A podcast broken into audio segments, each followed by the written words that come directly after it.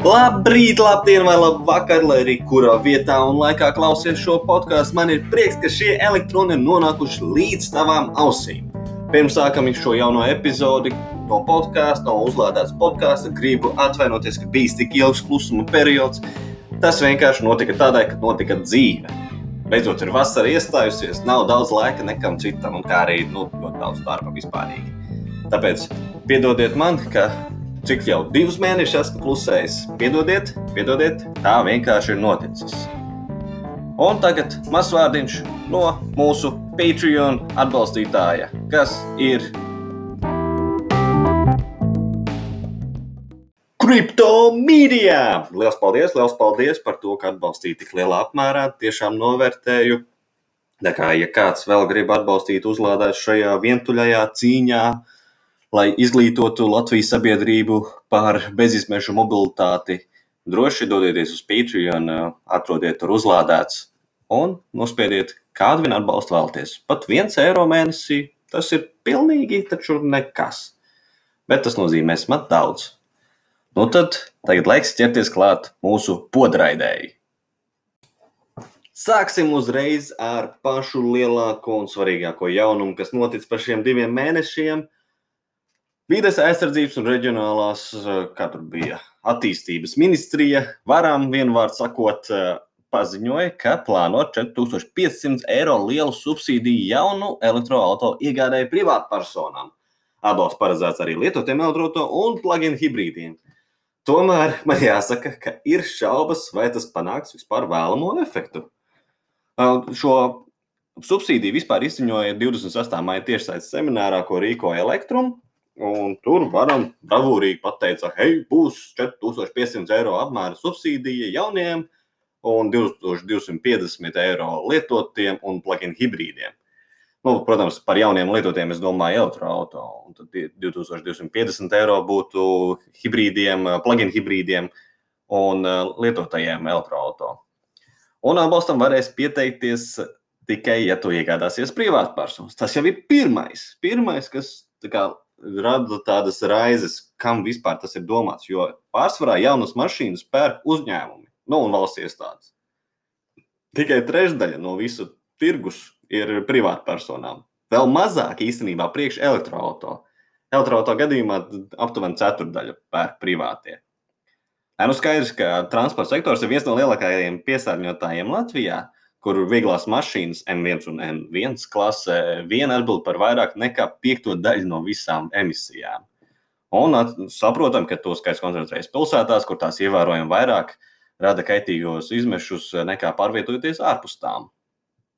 Un otrs punkts, pie kā ir jāpiesienas, ir tas, ka šī subsīdija ir domāta tikai diviem gadiem, 22. un 23. gads. Un par šiem diviem gadiem ir jāiztērē 10 miljoni eiro. 10 miljoni eiro par diviem gadiem jāiztērē, kad no jaunajām mašīnām tikai ceturto daļu iegādājas privātpersonas. Ah, atvainojos, ne tikai privātpersonas varēja pieteikties, bet arī valsts un pašvaldības varēja pie, pie, pieteikties uz šo subsīdiju. Un tas Latvijas vēsturē nav pirmais mēģinājums. CSDD jau pirms trīs gadiem izstrādāja ko līdzīgu un paredzēja nedaudz vairāk par trim miljoniem, ko izturētu trīs gadu laikā. Tā, tā atkal tā starpība ir 10 miljoni divos gados vai 3 miljoni trīs gados. Tobrīd to CSDD, ko bija izstrādājuši, satiksmes ministrija un finanšu ministrija noraidīja. Vienkārši pat neapskatīja. Bet tagad, divu gadu laikā, ir jāiztērē 10 miljoni. nu, es, es ticu, ka ne pusi no tās naudas neiztērēs. Nu, būtībā tagad ir trīs scenāriji, ko tagad eh, valdība var darīt ar šo varam plānu. Noraidīt, apstiprināt bez izmaiņām un apstiprināt eh, ar izmaiņām. Nu, bet vispārīgi sakot, šī subsīdija ir pāragri izziņot, jo nākamais gads, kā mēs zinām, būs tikai pēc pusgada. Tas nozīmē, ka tagad tās privātpersonas kas gribētu iegādāties uh, elektroautorātu, ir to, kāpēc? Kāpēc es tagad gribētu iegādāties? Es pēc pusgada dabūšu subsīdiju. Kāds sakars?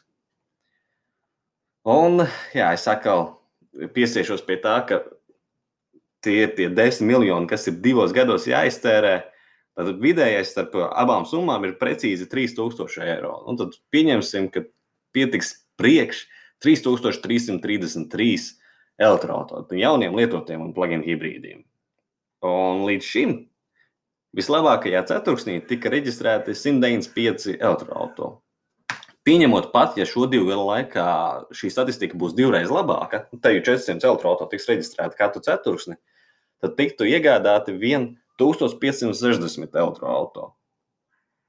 Tas nav ne tuvu, lai sasniegtu kaut pusi. No labi, tas ir gandrīz puse no 3330 elektroautorātu.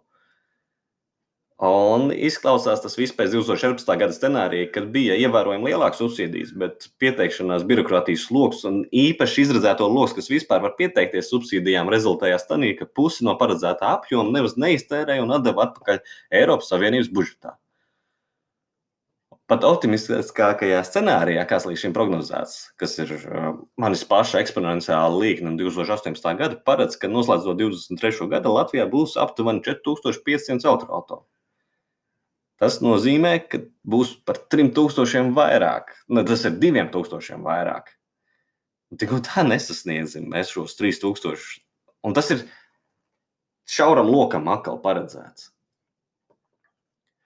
Un šim atbalstam vispārīgi, nu kāds tika paziņots brīdī, bija vairāki trūkumi. Nebija skaidrs, vai šis atbalsts ir paredzēts pirms PVN piemērošanas vai pēc jo tā starpība ir 1000 eiro. Nu, tad, attiecīgi, sanāk ieguvums 4500 eiro apmērā pirms PVN, ja to noskaita, un tad pieliek PVN klāt. Nevis, kad pieliek mašīnas cenai PVN un tad noņem subsīdiju nost, tad uh, ir 1000 eiro starpība. Labāk jau, lai šo starpību, ne, subsīdiju piemēro tajā brīdī, pirms PVN ir ieskaitīts. Un tad mēs varam jau skatīties, ka, teiksim, Dacia Spring Electric maksātu ar subsīdiju pirms PVN 11,455 eiro vai arī 12,400 eiro, ja subsīdija ir piemērota pēc PVN. Un ir vēl tāds, varbūt ne visi zina, bet ir Darts Frēzen Nikrops, kas ir uh, salīdzinoši mazs elektroautorāts, bet maksā 10,000 eiro. Un, ja tam piemēro subsīdiju, nu, tad 4500 eiro, ja subsīdija ir pirms PVN pieskaitīta. Un tā vēl arī bija niansīta, ko es piefiksēju, ka nebija vispār pateikts, vai ir kaut kāda ierobežojuma uz elektroautorātu izvēli. Jo citās valstīs ir teiksim, pateikts, hei, ja tā mašīna maksā virs 60,000 eiro, tad vai nu vispār nav, vai ir samazināts šī subsīdija. Un šajā gadījumā vispār nekas tāds nebija teikts. O Ķīnā vispār ir dara tā, ja konkrētais autors spēj veikt noteiktu distanci, tad, tad tikai var dabūt, ah, un pat noteiktas baterijas tiek lietotas, tad tikai var dabūt uh, subsīdiju. Arī nepateica, vai ir paredzēts uh, motocikliem, mopēdiem, kvadricikliem, bulkuvāģiem, nu, tiem visiem. Jo precīzie vārdi, kas tika lietoti, min transporta līdzekli, nevis noteikts kategorijas autotransporta līdzekli. Bet tomēr pozitīvais no vispār šī atbalsta esamības ir, protams, ir, ka daudz ražotāju vispirms elektroautorātu piedāvā tur, kur ir dāsnākās subsīdijas. Un līdz šim Latvija bija viena no piecām Eiropas Savienības valstīm, kas vispār neparedzēja iegādes subsīdijas. Tāpēc mums arī nebija pieejama Renault Zoe, līdz fiksija pasūtīja veselas simts tādas. Un joprojām daudz elektroautorātu un pat to brendi pie mums Latvijā nemaz nav tik viegli pieejami. Piemēram, Smart EQ Nu, ja kāds atcerās, ir tādas smart mašīnas. Arī MG eh, no Renault mums nav Twingo, no Volkswagen vēl, vēlu veiksmi iegādāties e-apu. Tomēr jāatcerās, ka tagad dealeri varētu izdarīt tā, ka viņi paceļ mākslīgi cenas. Jo šobrīd Lietuvā, kur ir līdz šim bija 6000 eiro atbalsts, maksā tieši par 6000 eiro dārgāk nekā Latvijā. Tas ir Renault Zoe konkrēti. Nu, un tad es ieteiktu, ja tu esi privāta persona un tu vēlies sev elektroautorātu iegādāties, tad ej tagad pie dīlera un sāc kaulēties par cenu. Jo tad, kad būs subsīdija pieejama, diez vai vispār varēs kaulēties par cenu. Ja tu dabū jau tagad 5000 eiro nost, tas nozīmē, ka tev ir vairāk nekā tajā brīdī, kad būs subsīdijas. Un es atceros, tā, kad es pirms, uh, es neatceros, cik tas gadu atpakaļ bija, laikam četriem gadiem. Laikam četrus gadus atpakaļ es iegāju salonā, es uzreiz uh, dīlēju pārstāvjiem pateicu, es atnācu tikai paskatīties mašīnu, es netaisos pirkt, man nav naudas jaunai mašīnai. Man vispār to brīdi nebija naudas vispār jebkādai mašīnai. Un viņš man vienkārši hops 5000 nomet no cenas. Nu, labi, tas bija aizējošais modelis, bet tik vai tā. Tas, tas man likās tā pārsteidzoši. Tā kā droši ejiet klāt pie dealeriem, viņiem ir noteikta cena, līdz kurai viņi drīz kaulēties.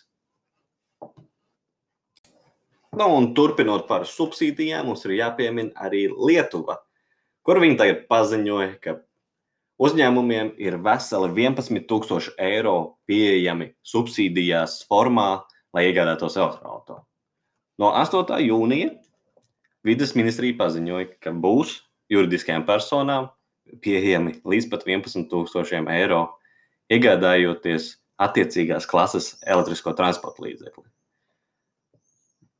Tad var iegādāties jaunus M1, M2, N1 un N2 klases elektriskos transporta līdzekļus par jauniem M1 un N1 klases elektromobiļiem būs 4000 eiro, par N, N2 un M2 būs 10 000 eiro par jaunu elektroautorātu. Papildus 1000 eiro ir pieejami norakstīšanas schēmas ietvaros. Būtībā to apliecina to, ka esi noņēmis no ceļa vidi piesārņojušu transporta līdzekli un tas ir iznīcināts un subsīdiju maksājumi tiks piešķirts saskaņā ar pārskatīto kārtību. Nu, būtībā, kurš pirmais brauc, tas pirmais maļ, bet viņiem tas uh, apjoms ir ievērojams. Līdz ar to tās summas nebūs uh, izsmeltas. Tomēr ir gala termiņš līdz šī gada 31. decembrim ir jāiesniedz tiem, kas vēlas saņemt atbalstu. Un kas ir interesanti, Latvijā ir tāds koplietošanas uzņēmums, Kārguru. Pieļauju, ka daudzi no mums zina. Ja, ja zina fiksiju, tad noteikti zina arī kārguru. Un tā vadītājs, izpilddirektors Vladimirs Reskājs, teica šādi: Tehnoloģiski mēs esam gatavi pilnībā pāriet elektriskā transporta mūsu autoparkā, bet pagaidām nepārspīlēsim ar skaitu.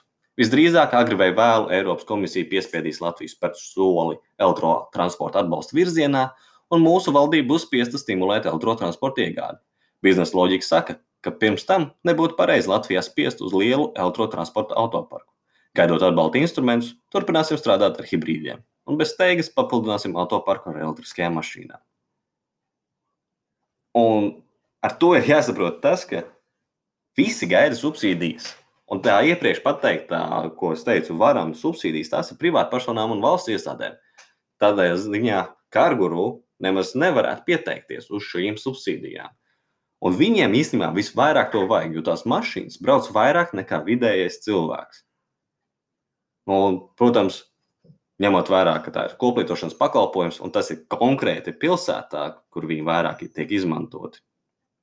Un tas, tas nozīmē, ka mums visiem būtu labāk, ja tāda kā kārguru iegādātos elektroautorātu. Nu, kārguru, fiksija, nu, fiksija jau ir tikai elektroautorāta, CTB Uh, ir vēl kāds, laikam, šobrīd vēl nav tāda liela koplietošanas pakalpojumu sniedzēja Latvijā. Uh, un ir tiešām svarīgi. Es saprotu, cik uh, vilinoši skaitās, o, oh, privātpersonai, bet no valstiskā skatu punkta ir svarīgāks atbalsts uzņēmējiem. Jo pēc tam, kad uzņēmējs būs nolietojis šīs mašīnas un šie visi koplietošanas pakalpojumu sniedzēji, viņi grib uzturēt savas svaigākās mašīnas. Viņi tās pārdod. No acīm redzot, ja viņi ir ieguvuši to par zemāku cenu, viņi būs nu, negluži ieinteresēti, bet viņiem vienkārši būs iespēja pārdot to arī par zemāku cenu tālāk. Un tagad aizvirzīsimies nedaudz tālāk no Baltijas, paraudzīsimies globālajā mērogā, Volkswagen ir nosprieduši, nevis nosprieduši, bet nosprauduši pārejas posmu beigu datumu. Nu, ar pārejas posmu es domāju pārejas posms no iekšzemes zinēja uz elektromotoru. Tātad 2035. gadā Volkswagen grupa būs elektriska. Pilnībā elektriska. Te mēs nerunājam par kaut kādiem hibrīdiem vai plug-in hibrīdiem. Nē, tikai elektriski.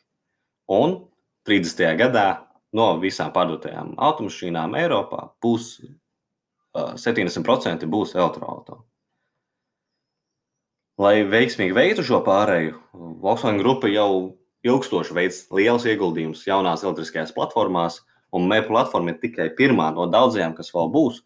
Teiksim, ir Porsche platformā, tagad neatceros, kāda bija tā abreviācija, bet uz tās ir Porsche Taikans, uz tās ir arī Audi e-tron GT. un uh, tur būs vēl citas, kas ir domātas priekš tādiem kā Makan, nu, Porsche Makan. Uh, un, protams, to, arī izmantos Audi. Un pēc MEB platformas, kurai jau īstenībā salīdzinoši drīz ir ražošanas cikla beigu datums, būs nākamā platforma. Un, jā, tad uh, Volkswagen ieguldās ne tikai platformās, bet arī jaunās elektroautorāta rūpnīcās, pārveidojot esošās par elektriskajām un iegūstot jaunas. Arī akumulātoru ražotnēs Volkswagenam īstenībā ir ļoti, ļoti lieli līgumi noslēgti par esošajiem akumulatoriem un jaunām akumulātoru ražotnēm. Viņi arī izbūvēs infrastruktūru, atbalstīs vismaz, un, protams, arī programmatūru izstrādēs.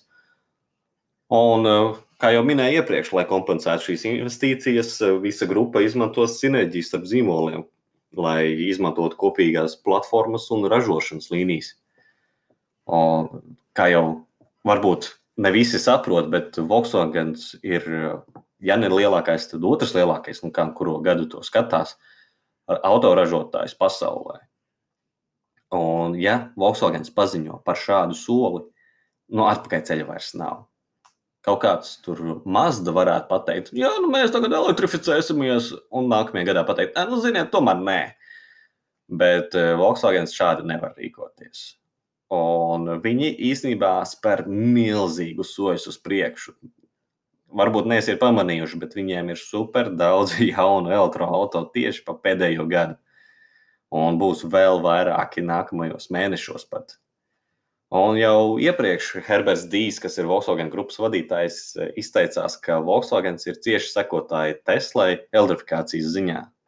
Un daudzi jautā, īstenībā, cik ilgs laiks būs nepieciešams šim autoražošanas milzim, lai apsteigtu Teslu vismaz saražoto elektroautorātu skaitu ziņā. Jo šobrīd, nu, ja, ja mēs izņemam ārā parastos hibrīdus un spraudņa hibrīdus, vai kā viņus tur sauc, tad neviens pat netuvojas Teslai. Un es īstenībā neskaitītu spraudņu hibrīdus un hibrīdus pat klāt, jo tur nav garantija.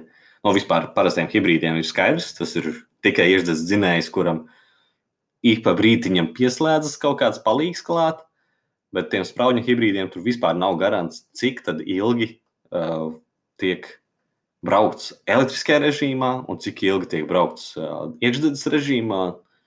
Tāpēc jāpieņem vienkārši ļaunākais, ka tie spraudņa hibrīdi netiek lādēti vispār. Un tiem, kuriem nav pārliecības, cik tālu elektroautorāta var aizbraukt, Norvēģijā jau tika veikts kārtējais pārbaudījums ar vairākiem elektroautorātiem, vienlaicīgi braucot vienu un to pašu maršrutu Un, jā, to darīja Norvēģijas autofederācija, kas vasaras Eldrotā izaicinājumā pārbaudīja, cik tālu reālos apstākļos spēja nobraukt 21 elektroautorātu. Un te jau visi no viņiem pārsniedza VLTP ciklā uzrādīto autonomiju. Te gan uzreiz ir jāpiezīmē, ka laikapstākļi bija perfekti, nu cik vien perfekti tie var būt reālos apstākļos bija saulains, neliels vējš, un temperatūra bija starp 20 un 25 grādiem pēc Celsija. Es tagad nosaukšu visus automatus, kas, mm, kas piedalījās. Ja tas liekas par daudz, vienkārši paiet 30 sekundes uz priekšu. Audi e-tron GT, BMW iX3, Citroen EC, EC4, Fiat 500 Icon, Ford Mustang Mach-E. Ford Mustang Mach-E no abiem diviem atšķirība ir vai pilnpiedziņa vai aizmugurējā piedziņa, Honda E, Hyundai Ioniq 5, Hyundai Kona, Mazda MX30, Mercedes-Benz EQA, Opel Moka E, Polestar 2, Skoda Enyaq iV 80, Tesla Model 3 uh, Long Range, Tesla Model 3 uh, Standard Range, Volkswagen ID3, Volkswagen ID3 Pro S, Volkswagen ID4, Volvo XC40, Xiaopeng G3. No šiem visinteresantākais varētu būt Xiaopeng G3. Latvijas varētu izlasīt kā Xpeng. Man liekas, ka to izrunā Xiaopeng. Tam VLTP autonomija ir 451 km. Vismazākā autonomija ir Mazdai. Mazdas autonomija MX30 ir 200 km, bet vislielākā autonomija pēc VLTP cikla ir Ford Mustang Mach-E uh, Long Range Real Wheel Drive, kuram ir uh, VLTP ciklā 610 km. Un, lai rezultāti būtu pēc iespējas uh, nu, līdzīgāki visām mašīnām, nu, tas ir, būtu godīgāki visām mašīnām. Pirms izbraukšanas netika iepriekš, tās netika iepriekš sildītas vai optimizētas kādā citā veidā. Uh, Visas mašīnas brauc vienu to pašu maršrutu, tajā pašā dienā ar līdzīgiem braukšanas paradumiem un klimata iestatījumiem, un maršruts sastāvēja no pilsētvidas, grāmatas ceļiem un šosejām, kurām maksimālais atļautais ātrums ir 110 km/h. Visām mašīnām bija jāpārvar viena kalna pārēja, bet tiem elektroautoriem, kam ir lielāka baterija, bija jāpārvar divas kalnu pārējas. Un izaicinājums koncentrējās acīm redzot uz autonomiju, efektivitāti un uz lādes jaudu. Un 18 no 21 pārbaudītiem elektroautoriem uzrādīja labāks rezultāts par tiem, kas norādīti VLTP ciklā. Starp tiem, kas to neizdarīja, bija Polestar 2, Citroen EC4 un Xiaopeng G3, kas no VLTP cikla rezultātiem atpalika attiecīgi par 3, 5 vai 12 km. Tā kā VLTP cikls pierādījās diezgan tuvu patiesībai. Un šādi rezultāti īstenībā ir nedaudz pārsteidzoši, zinot to, ka VLTP cikls, lai gan ir labāks par iepriekš lietoto nedz ciklu, ir nu, optimistiskākajā pusē. Kaut gan jāsaka, cilvēki, kad sāk salīdzināt, ka mana mašīna tā nespēja nobraukt, kā rāda uz papīra, jāsaprot, ka VLTP cikls ietver iekšā 50% pilsētu, ne 30% pilsētu, 30% piepilsētā, un pārējais tad ir šosei. Visiespējīgāk no visām mašīnām parādījās, veicās konkrēti BMW iX3, kas iespēja vairāk nekā 20% tālāk nobraukt par to, cik bija uzrādīts VLTP ciklā. Un, ja tam VLTP ciklā bija uzrādīts, uh, tūlīt tās atradīšu, atvainojos, pazuda 450 km tad uh, realitātē, nu, vismaz Norvēģijas realitātē, tas iespēja 556,2 km. Pirms tam bija jāstājas ceļa malā. un tas ir par 106 km vairāk. Vis tālāk tomēr spēja nobraukt Tesla Model 3, kas iespēja 655 km, un tam sekoja Ford Mustang Mach-E, Long Range ar aizmugurējo piedziņu. Tas iespēja 618 km.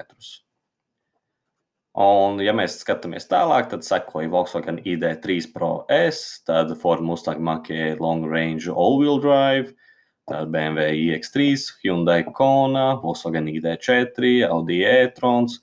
Un pašā, pašā pēdējā vietā, protams, Mazda MX30 ar 219 iespējamiem kilometriem, nu, kas ir par 19 km vairāk nekā uz papīra norādīts. Tomēr es neieteiktu ar Mazdu mēģināt braukt ziemā nu, kā, cik es esmu skatījies, tur viss ir slikti. Tad labāk ņemt kādu lietotu elektroautorātu. Ja, ja interesē vismaz tas, cik tālu tu vari nobraukt. Ja tev vajag tikai 50 km vērot, mērot, tad, tad ņem mazu. Un uh, ir svarīgi piezīmēt, ka iegūtie rezultāti tika sasniegti braucot visas mašīnas līdz pēdējiem. Tas ir krietni pēc tam, kad mašīna signalizē to, ka ir palikuši 0 km uz instrumentu pelēm. Tas ir līdz tam brīdim, kad mašīna viss vairs tālāk nebrauc. Pēc visa tā braukšanas daudzām mašīnām tika pārbaudīts, nu, nevis daudzām, bet visām tika pārbaudīts, cik ātri tās uzlādējas. Vislabāk īstenībā veicās Hyundai Ioniq 5, kas 19 minūtēs varēja uzlādēties līdz 80%. Vislēnāk to darīja Xiaopeng G3, kam to pašu vajadzēja 55 minūtes. Bet es neieteiktu ieciklēties uz šīm minūtēm, jo visiem, visām šīm elektroautoriem ir dažādas baterijas un dažādi griezti. Tā kā jautājums ir, vai ir no svara tās 19 minūtes, ja tu pat nevari piekļūt pie tik lielas jaudas uzlādes stacijas. Tas ir no svara. Tas ir no svara tajos gadījumos, kad tev tiešām ir lielas jaudas uzlādes stacijas, Bet Latvijā visas izņemot vienu ir 50 kW ātrās uzlādes stācijas. Līdz ar to neieteiktu diži iespringt uz tiem uzlādes eh, laikiem, ja neplāno baigi ceļot uz Skandināviju vai Vāciju, Nīderlandi. Bet pilns pārskats par eh, šo braucienu un citiem, viņiem ir ļoti daudz arī citu, ir pieejams NAF vietnē. Eh, tas ir nye.naf no, slīpsvītra Elbil, un tur būs. Google Translate māca labi iztulkot norvēģu valodu, tāpēc, tāpēc iesaku, ja interesē, pasīties vienkārši tur. Un NAF šos testus veids katru gadu, gan vasaras, gan ziemas apstākļos. Nu, un noslēgumā pēdējās divas ziņas, es domāju, būs ar tādu mazliet smaidiņu.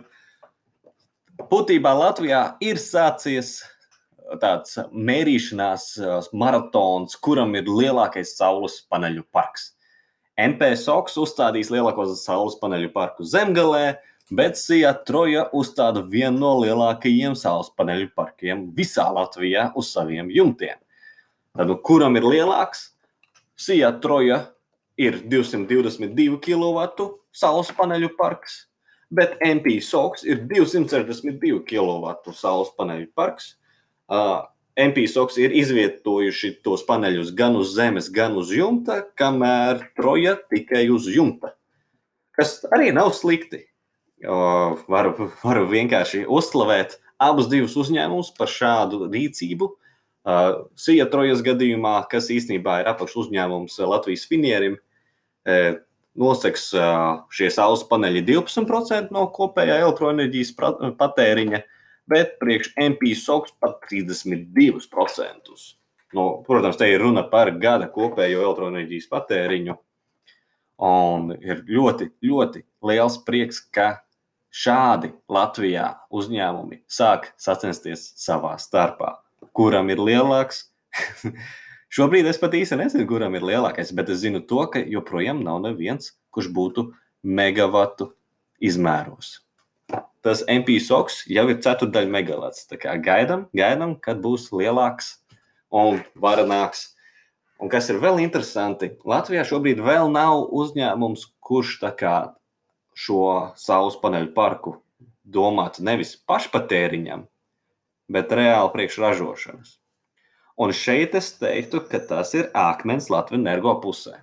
Jo viņi Lietuvā redz uzstādīja saules paneļu parku, bet Latvijā Nē, klusē. Viņi arī jau gadiem ilgi domā par vēja parku. Bet jau gadiem ilgi saka, ka tas nav finansiāli izdevīgi. Lai gan vēja enerģija šobrīd ir topā un tā ir lētākā uh, enerģija, ja ir jāsāk būvēt no nulles. Es nezinu, ko mēs gaidām. Gan jau Latvijas energo ir savi iemesli, kāpēc gaidīt. Bet es, protams, gribētu redzēt vairāk vēju, vairāk sauli. Nu, un domāju, no Daugavas mēs diži vairāk nevaram vairs iegūt. Nu, cik jau ir tie esošie atjauninājumi un plānotie. Mēs varam uzlabot turbīnas, bet uzlikt vēl vienu hesu. Tur uh, es, es negribu to nodarīt. Uh, tur liels, liela ietekme uz vidi būtu par vēl vienu hesu. To es negribu vienkārši novēlēt.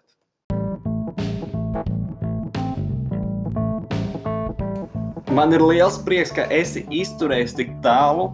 Un, ja jau esi izturējis tik tālu, tad droši ieej uzlādēts LV, atrodi, kur ierakstīt savu e-pasta adresīti un pierakstīties jaunumiem e-pastā. Jo tos es vismaz izsūtu regulāri, reizi nedēļā saņemiet eh, visas jaunākās ziņas no uzlādētas tādā kompaktā formātā. Cešos tur iespiest uh, tikai septiņas, dažreiz mazāk, dažreiz vairāk, kā nu kuru nedēļu ir tās ziņu daudzums lai tā, tā nebūtu jāiet speciāli uzlādēts lapā un jāmeklē, kas ir jauns noticis. Nē, e-pastā, kompaktā formātā, čiks un ir. Un, ja meklē sev uzlādes staciju, tad droši dodies uz veikals.uzlādēts.lv. Tur ir tiešām vislabākās cenas vislabākajām uzlādes stacijām. Piemēram, Volbuks uzlādes stacija 800 eiro, tā ir tavējā, bet var arī iegādāties Nork, kas maksā 450 eiro. Un, ja interesē, varam nokonsultēt, kuros gadījumos, kuru izvēlēties, kuram elektroautorāta. Nu, būtībā pateikšu, ņemsi labāku tagad, nebūs nākotnē jādomā.